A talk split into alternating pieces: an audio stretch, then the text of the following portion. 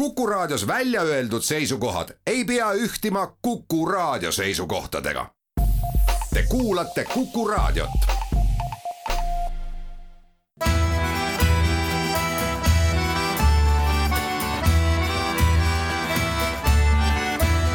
Kirillitsas Eesti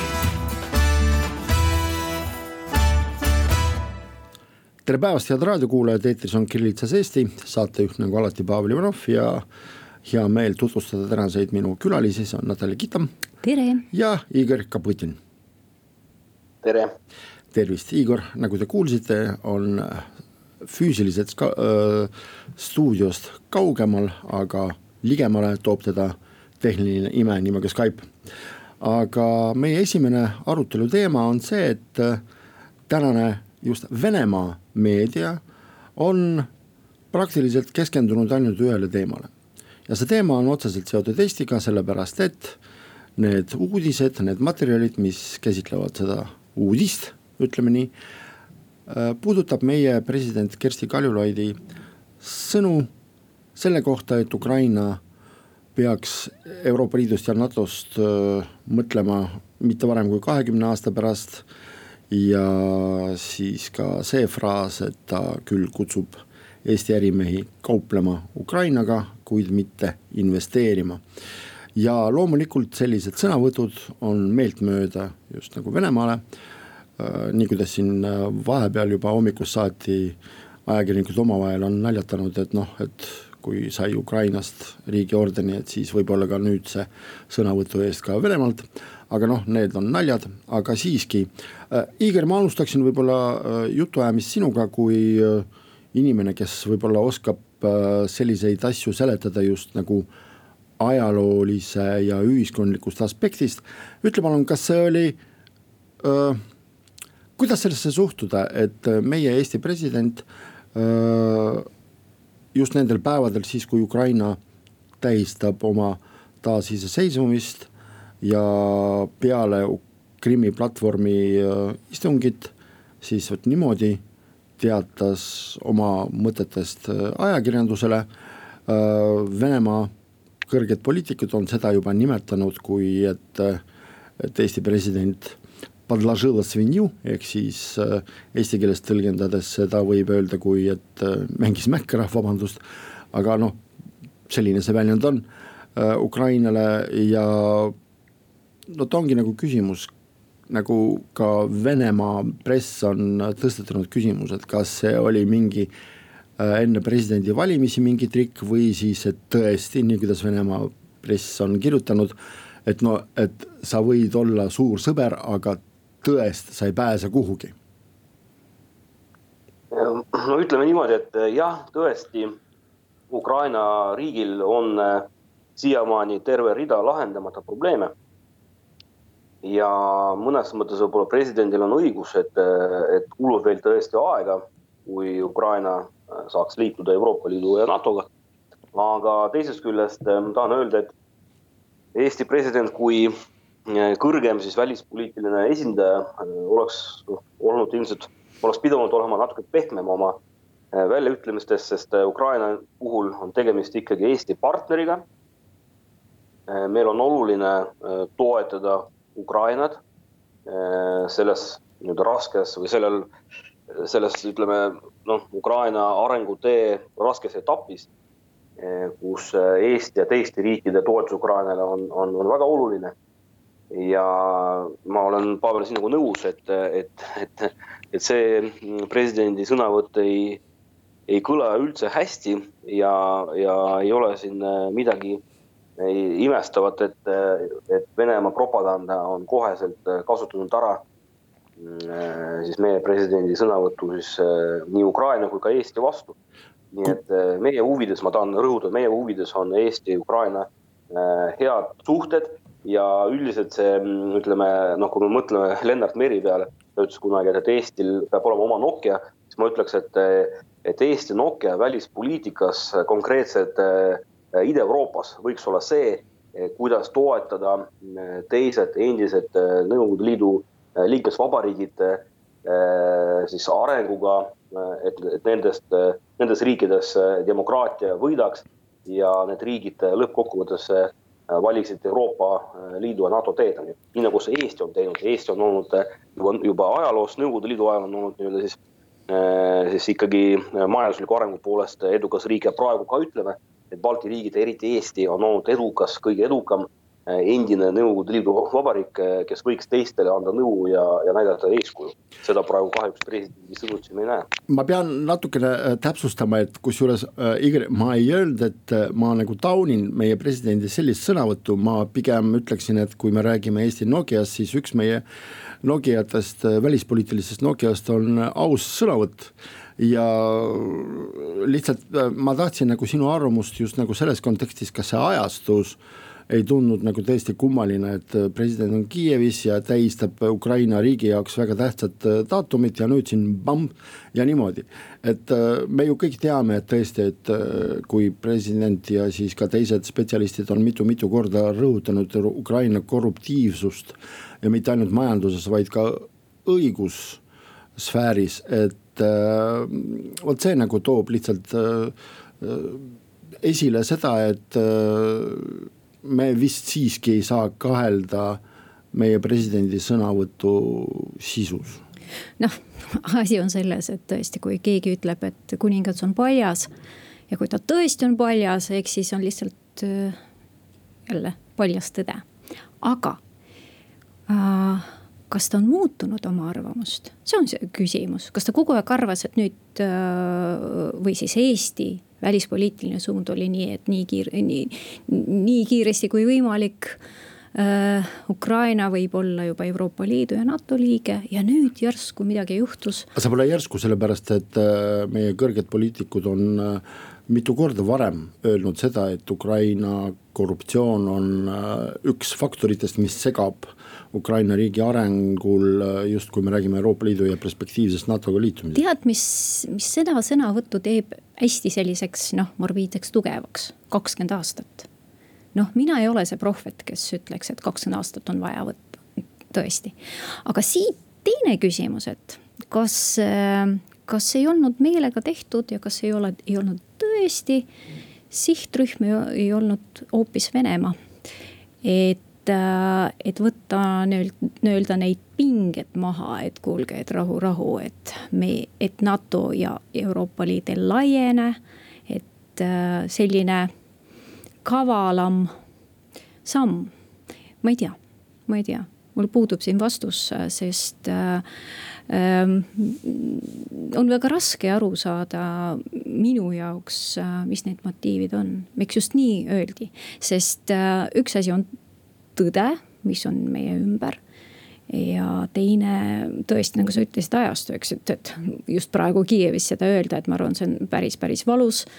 Äh, just nendele, kes püüavad, kes, kes, kes teevad kõike selleks et, äh, et Ukrainast saaks Euroopa Liidu liige ja NATO liige äh, Igor, aga võib-olla see oli äh, teatud mõttes tõesti meelega tehtud, et kuidagimoodi värskendada Ukraina poliitikute ajusid, et kutsuda neid mõtlema, et kas ikkagi see sisekliima Ukrainas on ikka see õige, mis soodustaks demokraatilist arengut?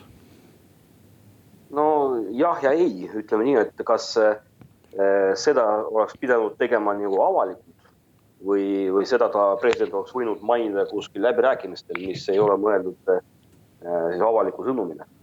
Ja ma olen nõus sellega, et jah, see ajastus on tõesti vale, et kui me räägime eh, siis Ukraina taasiseseisvumispäevast, päeva tähistamisest, siis on selgelt näha, et, et praeguseks ajaks ukrainlased ja ukrainlaste äh, suhe, äh, suhtumine oma, oma riiki on muutunud positiivseks. ukrainlased äh, aina rohkem teadvustavad, et nad on rahvus. Nad teadvustavad palju rohkem seda, et neil on oma riiklus ja mul on ikkagi usk sellesse, et Ukraina, Ukrainas võidab demokraatia. et ma tooks nagu paralleeli nagu võib-olla sellega, et ajalooline paralleel, et äh, räägitakse sellest, et äh, Austria Äh, siis australlased hakkasid ennast äh, tunnetama, tundma rahvusena eriti selgelt pärast äh, Saksamaa agressiooni kolmekümne kaheksandal aastal, pärast Anschlussi. Nii et võib-olla mõnes mõttes Venemaa agressioon Ukraina vastu, mis algas kahe tuhande neljateistkümnendal aastal, on samamoodi mänginud mõneti otsustavat rolli Ukraina rahvuse väljakujunemist. selge, aga väike reklaamipaus, pärast oleme eetris taas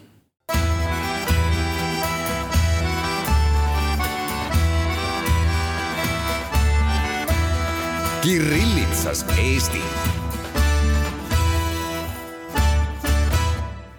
Meie saade jätkub, Pavel Jonov, Natalja Kiitam, Igor Kapotin.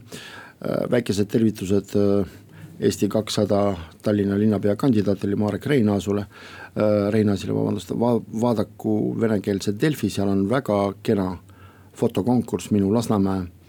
et miks just Marekile tervitusi, sellepärast et Marek arvas, et Tallinna linn enamuses elab Lasnamäe arvelt. aga lähme oma teemadega edasi. Jah, Venemaa meedia on muuhulgas ka pööranud tähelepanu kolmeteistkümne, vabandust, eelmisel nädalal toimunud presidendi vastuvõtule Kadrioru pargis just sellest aspektist lähtudes, et Venemaa ajakirjanikud oskasid näha suures inimmassis, kes sinna kogunes, ühte Ukraina ajakirjaniku Arkadi Babtšenko, kes kaheksateistkümnendal aastal koos Ukraina eriteenistustega lavastas oma surma. väidetavalt siis eriteenistused, mingisuguse teise riigi eriteenistused olid teda tapnud. seda fakti, seda lavastust on tauninud nii Leedu kõrged poliitikud, nii ka liikumine Ajakirjanikud ilma piirideta aga noh, see selleks, tõesti, mina seal ei olnud, mina ei tea, kuidas näeb välja reaalses elus äh, kodanik Babtšenko, kui ta seal oli, siis, siis ta oli, kui ei olnud, siis ta ei olnud. aga äh, seoses presidendi vastuvõtuga ja seoses presidendi kõnega on ka kohalik venekeelne arvamu-, äh, meedia avaldanud oma arvamusi. ja muuseas, Igor, sina olid ka üks nende seas, kes oma mõtteid öö, avaldas ajakirjandusele ja sa ei olnud ühes aspektis äh, presidendi kõnega rahul, et ta teatud ajaloolisi aspekte sinu meelest ei puudutanud, mis tegelikult vajaksid lahtirääkimist, võib-olla sa selgitad meile oma positsiooni? jah, ma arvan, et presidendi kõne kolmekümnendal aastapäeval on äärmiselt oluline. ja ma tahaks, noh kodanikuna tahaksin kuulda presidendi suust äh, sellest esiteks nagu noh, kokkuvõtted, mida on siis Eestis saavutatud selle ajaga ning mis on äh, presidendi arvates ähm, siis edasine, Eesti edasine tegevus ja arengusuunad järgmiseks kolmekümneks aastaks. et äh, kui me vaatame seda kõnet ja loeme või kuuleme, kuulame seda, siis ta on vormilt poliitiline, sisult justkui ajalooline, aga see ajalooline jah, siin selles äh, kõnes ei ole mõtet otsida ajaloolist tõde. et, et siin on äh, kasutatud mõningaid ajaloolisi näiteid, neid on tegelikult päris palju, aga minu arvates nad ei moodusta ühtset tervikut. et, et mida siis äh, president tahtis lõppkokkuvõttes sellega öelda, on jäänud mulle arusaamatuks. ma tahaksin kuulda näiteks muuhulgas seda, et et, et, et millised, millistel põhjustel Eesti kaotas oma iseseisvuse mida me oleme sellest õppinud, eh, kuidas eh, me oleme saavutanud iseseisvuse üheksakümne esimesel aastal ning kuidas me säilitame vabariigi iseseisvuse siis järgmised kolmkümmend aastat. et, et see jäi mulle nagu arusaamatuks. kui rääkida veel arvamustest, siis tsiteerime tõlkes tuntud sotsioloogi Jevgeni Kolikovi, kes omal ajal, nii kuidas ta ise väidab, tõesti ei, ei tea ajaloolisi fakte. et tema oligi nagu see inimene, kes Edgar Savisaarele soovitas äh, oma liikumist nimetada rahvarindeks. aga tema ütles niimoodi, et, äh, et äh, presidendi sõnades ta suure raskusega tunnetas seda reaalsust, mille osaline oli ka tema ja muuhulgas ta siis ütles äh, ka seda, et äh, ta ei näinud äh, seda ajaloolist seika, et äh, nõukogude ajal oli siis äh, eesti keelega väga tõsine situatsioon et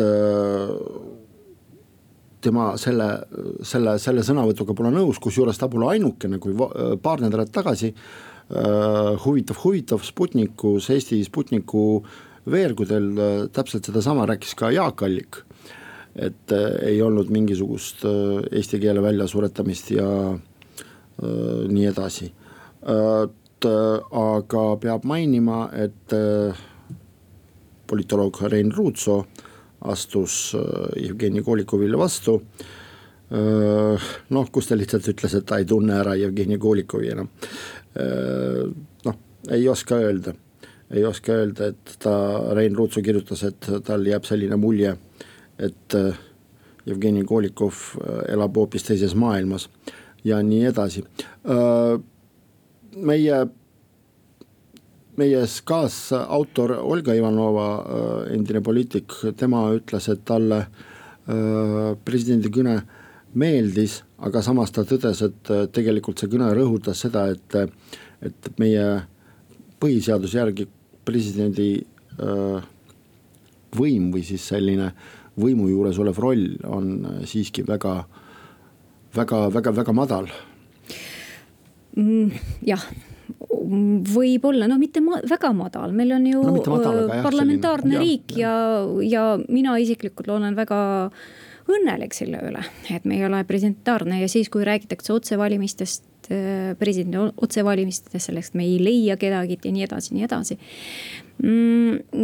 mina näen siin ohtu, et kui otse valida, siis ta hakkabki presidentaarseks muutma, et mina pooldaks parlamentaarset mina tahan seda öelda, et äh, ka Venemaa kirjutas äh, sellest, mis kolmkümmend aastat tagasi oli äh, toimunud, ehk siis GKPCP ja suures osas analüütikud ütlevad, aga kõik, mida siis tšekistid tahtsid teha, on Venemaal teostatud.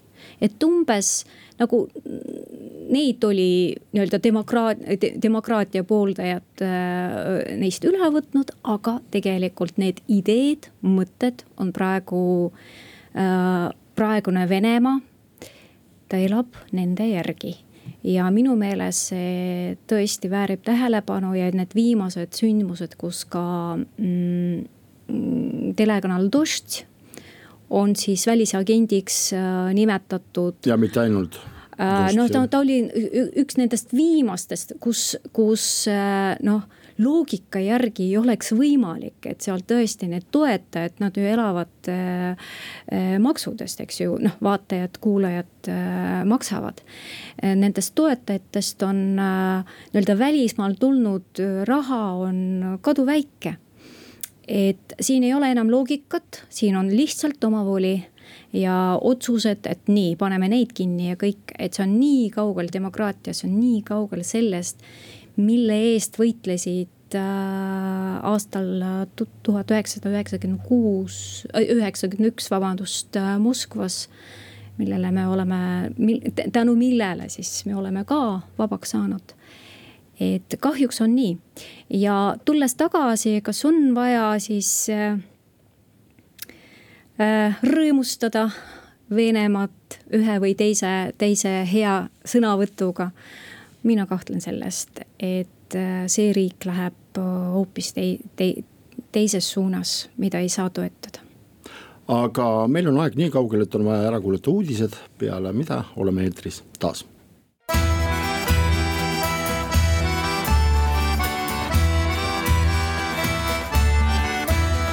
Kirillitsas Eesti.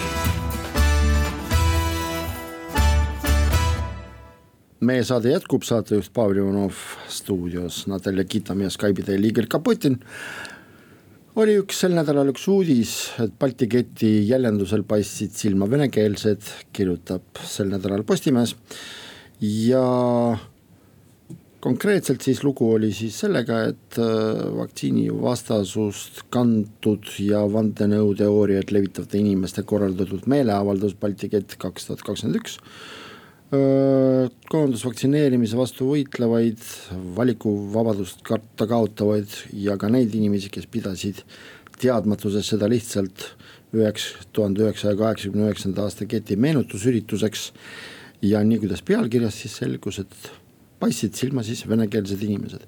ühest küljest on tore uudis, et kõik sõltumata rahvusest inimesed meie riigis võtavad ühiskondlikust elust äh, aktiivselt osa, osa., aga teisest küljest äh, lihtsalt mind hakkas huvitama, et miks äh, ajakirjanikud panid just sellele aspektile rõhu ja tähelepanu.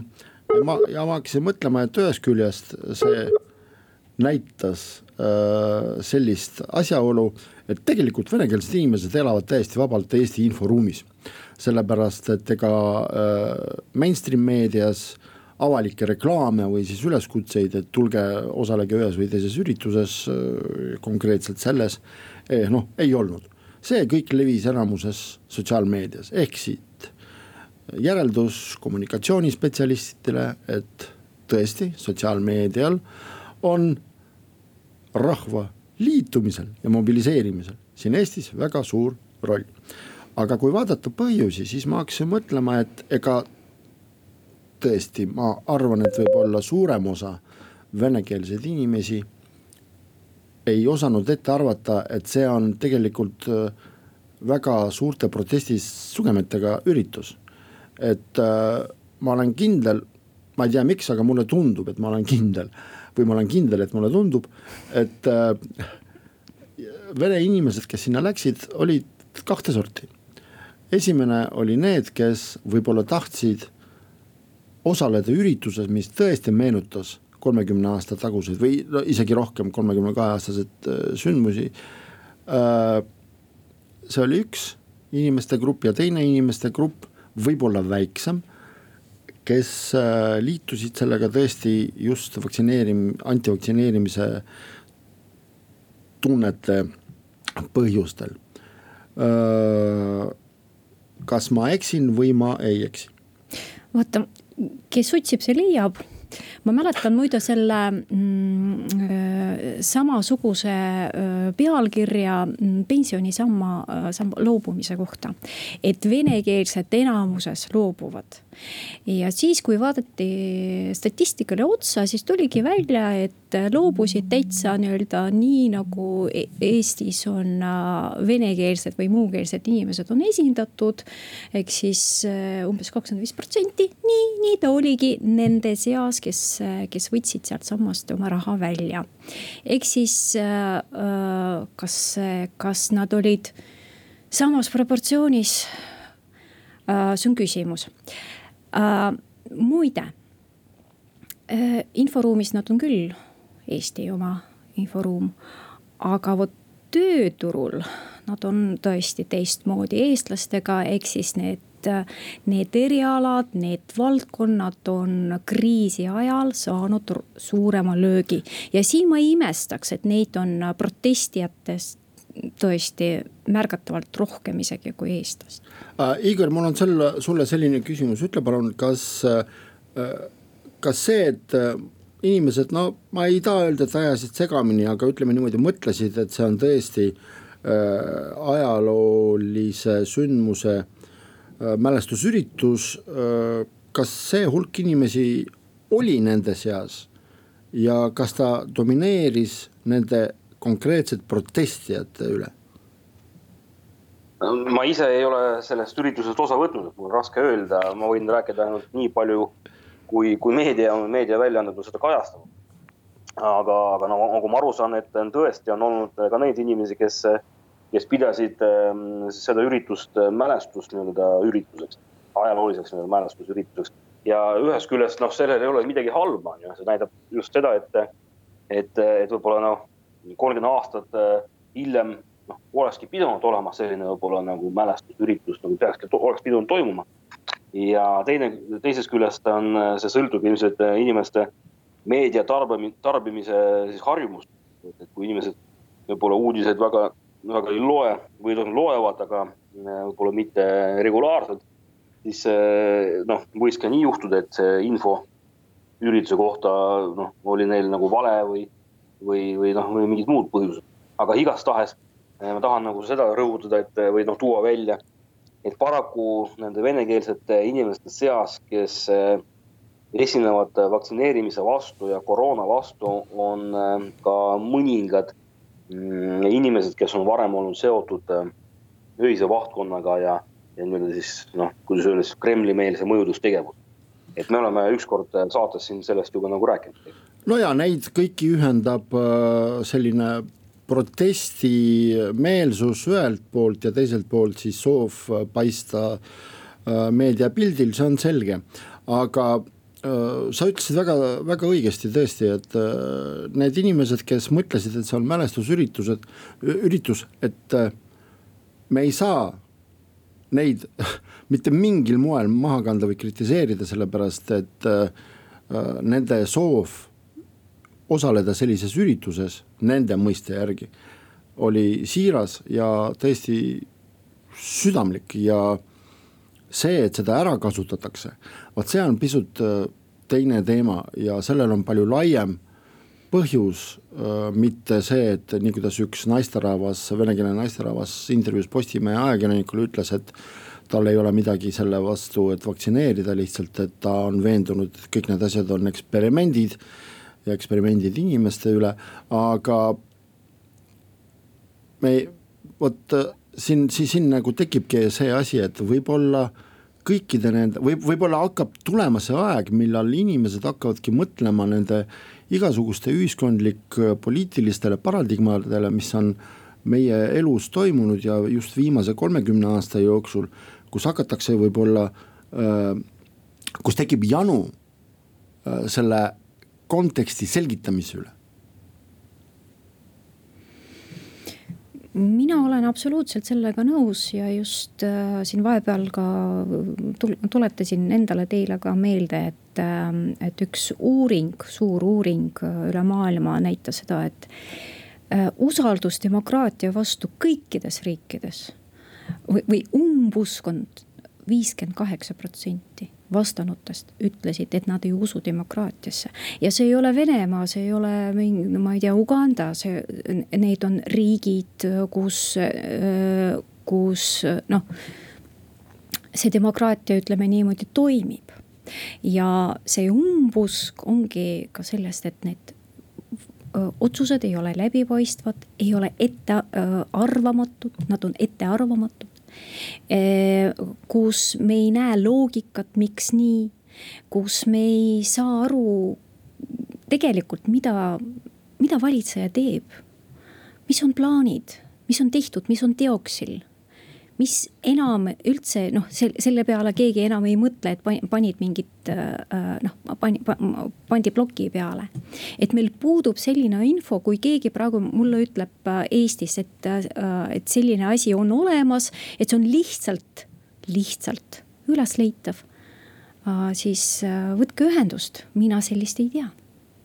ja siit tuleb seesama umbusk, ei tea, ei, ei oska siit tuleb ka see, et presidenti siin mm, pikisilmi otsitakse, sest ei tea, kas on üldse mõtet siin hääletada, kas on üldse mõtet seda, seda inimest äh, ära vahetada, kui süsteem iseenesest tiksub kuidagimoodi, mina ei tea, kuidas, aga ta kuidagimoodi tiksub, ehk siis riik omaette, rahvas omaette. nojah, mis puudutab presidendivalimisi, siis äh, ma olen jätkuvalt sellel arvamusel, et äh, mitte ükski Karilaid inimeste ees, keda on äh, viidud fraktsioonide ette, ei vabanda nende inimeste ees, aga kui rääkida konkreetsemalt teemat, siis venekeelne Delfi tegi sel nädalal äh, küsitluse, keda siis äh, Delfi lugejad ehk siis venekeelsed enamuses inimesed sooviksid näha presidendi ametikohal. suure eduga võitis Mihhail Kõlvart. väike reklaamipaus, pärast oleme eetris taas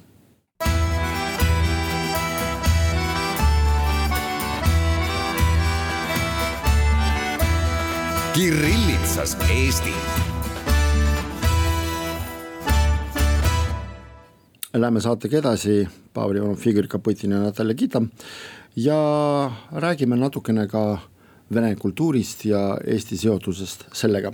ja alustuseks, kui tohib, Igor, siis me vähemalt siin stuudiod ja ma loodan, et ka raadiokuulajad ühinevad meiega, õnnitleme sind selle eest, et sa said kirjandusliku preemia oma teose eest, mida ma võtaks kokku niimoodi, kuidas äh, ka retsensendid, targad inimesed olid selle raamatu kohta öelnud, et see ei ole ainult ajalooline tõlgendus sellest, kuidas mitte-eestlased sõdisid esimese vabariigi ajal ja enne seda meie sõjaväes, vaid nii, kuidas üks retsensent ütles, et see on lugu, kuidas üldse kasvas üles kodanik kui selline, et vot selle, ma saan aru, et see viimane fraas on sinu jaoks väga oluline, aga siiski, kuidas sa seda iseenda jaoks lahti seletad?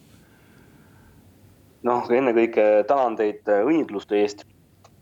ja minu jaoks oli ka see veidi ootamatu, sest äh, kokku oli see aasta neliteist nominenti ja nende noh, kõik tööd olid väga tugevad eriti tugevad olid ka seekord ähm, siis äh, sõjaajaloo valdkonnas äh, nomineeritud teosed, näiteks äh, kaheköiteline Eesti Vabadus, Vabaduse ja ajalooraamat, mis on samuti tegelikult väga tõsine teos ja, ja, ja, ja see, et, et komisjon valis just minu, see oli mulle väga meeldiv üllatus. aga, aga jah. ma võtaks kokku seda teemat selliselt, et, et et esiteks, miks ma hakkasin sellise teemaga tegelema. Eh, noh, monograafia pealkiri on Rahvuse kool. Eh, Eesti Rahvusarmee ja vähemusrahvused enne teist maailmasõda Eesti sõjaväe. ja ma hakkasin seda teemat uurima juba sellepärast, et ma ise olen eh, aastakümneid olen olnud seotud Eesti kaitseväega. ja ennekõike oli vaja lahti mõtestada minu enda jaoks, et, et kuidas, kuidas minust on saanud Eesti Vabariigi kodanik et selles suhtes nagu noh, jah, ma olen saanud kodakondsuse, noh formaalselt ma olen saanud äh, sünnijärgselt, aga, aga kuidas ma kasvasin kodanikuks ja, ja muuhulgas, kuidas kaitseväeteenistus on mind mõjutanud positiivses võtmes. ja, ja ma arvan, et see, see on lugu, noh, ütleme, algabki nagu minust, on ju.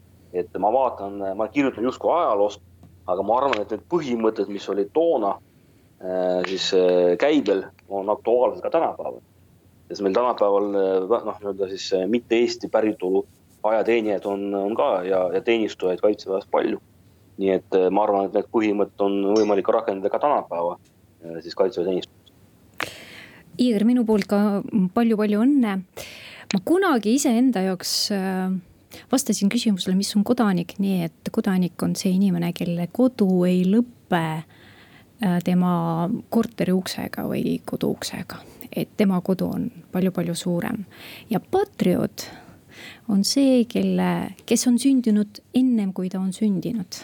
ehk siis ta mäletab seda ajalugu, ta tunnetab oma. kusjuures geenide tasemel. riigi, noh, geenide, ma ei tea, kas riigi äh, siin on jah, kas veri või, või keel või, äh, või siis maa, et siin on võib-olla see, et ma tunnetan seda ma tean sel- äh,, äh, ajalugu ja, ja oma seost sellega. ehk siis äh, äh, teadlasena ütleks, et äh, siin on nii ruum kui aeg, aeg suuremaks kasvamine. täna kell neli ehk siis kell kuusteist null null toimub Vene Postimehe äh, videosegmendis üks väga huvitav konverents, kus Äh, räägitakse vene kultuurist ja vene kultuurist ja Eestist, kus osalevad väga tuntud vene inimesed äh, ja Eesti inimesed. ja ka vene-eesti inimesed või eesti-vene inimesed. Äh, nimelt siis näitleja Julia Aug on Venemaalt, peaks mainima, et äärmiselt populaarne näitleja, keda võib paigaldada samale tasemele, mis on näiteks äh, Kirill Kära äh,. ja veel mitmed, mitmed teised meie Eesti juurtega näitlejad, kes teevad ilma Venemaa nii teatrilavadel, nii ka kinolinadel äh,. Julia Aug ja tuntud lavastaja ma nägin, et nemad siis hakkavad rääkima sellest, et milline on siis kaasaegne vene kultuur ja mis teeb rõõmu, on näiteks see, et Julia Aug ju hakkab töötama ka Vene teatris meil, et äh, ühe lavastusega ta tuleb välja suhteliselt äh, varsti. aga äh, huvitav on veel üks sündmus, mis siin hiljuti äh, toimus, see on see, et äh, entusiastid ja akti-, kultuuriaktivistid, äh, venekeelsed kaks tüdrukut, Vladislava Snurnikova ja Dina Malova asutasid sellise kulturoloogilise portaali nagu vanderoom.ee, mis minu meelest on äärmiselt õnnestunud kulturoloogiline platvorm. Ja ma nägin esimest korda oma ajakirjaniku äh, karjääri jooksul sellist venekeelset meediaressurssi, kus on nii retsensioonid, kus on nii annotatsioonid, kus on mingid äh, portreelood, kus on mingisugused tõsisemad äh, arutlused kultuuri üle ja ka vene kultuuri eksistentsist Eestis ja ka Eesti mõjudest vene kultuurile. Nii et see on äärmiselt äh, tubli algatus, millest tegelikult on juba ammu räägitud. me Natalja sinuga võib-olla pisut rohkem kui Igor teame seda, kuna oleme olnud pikem, pikka aega tegevajakirjanikud, kuivõrd palju on räägitud sellest, milline on venekeelne kultuuriajakirjandus Eestis absoluutselt, mina olen natukene õnnelikum kui sina, ma tean rohkem neid platvorme, et näiteks on noorte poolt püsti pandud no, äkki. kultuuritu Ivanov ühesõnaga. no nüüd sa oled ka õnnelikum, kui olid minut yeah. tagasi, ehk siis on selline ajakiri Äkki ka veebiajakiri, kus noored äh, venekeelsed äh, ajakirjanikud äh, samuti kirjutavad väga huvitavalt, kusjuures nad on Instagramis. Nad teevad ka Instagramis väga head tööd, täitsa soovitan ja, ja tead, kuidas nad ennast, ma rääkisin nendega, nad ütlesid, et see on ajakiri neile, kes veel ei taha ära sõita et kui sinna veel lisada, noh, mina suure vana inimesena ütleks, et ka neile, kes tahab tagasi tulla või anda põhjust milleks tagasi tulla, siis on ka jällegi väga tore.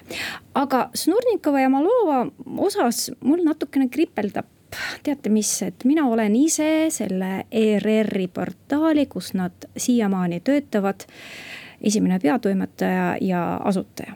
Ja ma küsin, et issand jumal, no miks ei oleks võimalik seda asja arendada Rahvusringhäälingu portaalis äh, miks on vaja luua eraldi midagi. Mm, ma saan aru, et võib-olla tüdrukud tahavad endale midagi ja, ja rohkem vabadust, aga mina mm, juhina ERR-i poolt äh, küll mõtleks, et teeks kõike, et see oleks osa Rahvusringhäälingu portaalist. ma vastan võib-olla natukene äkiliselt, aga seni, kuni ei ole äh, venekeelses ERR-is lahendatud üldine sünergia küsimus, ei olegi minu meelest mõistlik äh, seda asja just nagu ERR-is äh, arendada, see on minu isiklik subjektiivne võib-olla arvamus. aga meie tänane saade hakkab otsale jõudma ja tuletan meelde, et stuudios oli täna Natalja Kitam Tartust oli koos meiega Igor Kapõtin ja saatejuht oli Pavel Ivanov, aitäh kuulamast, kohtume nädala pärast taas.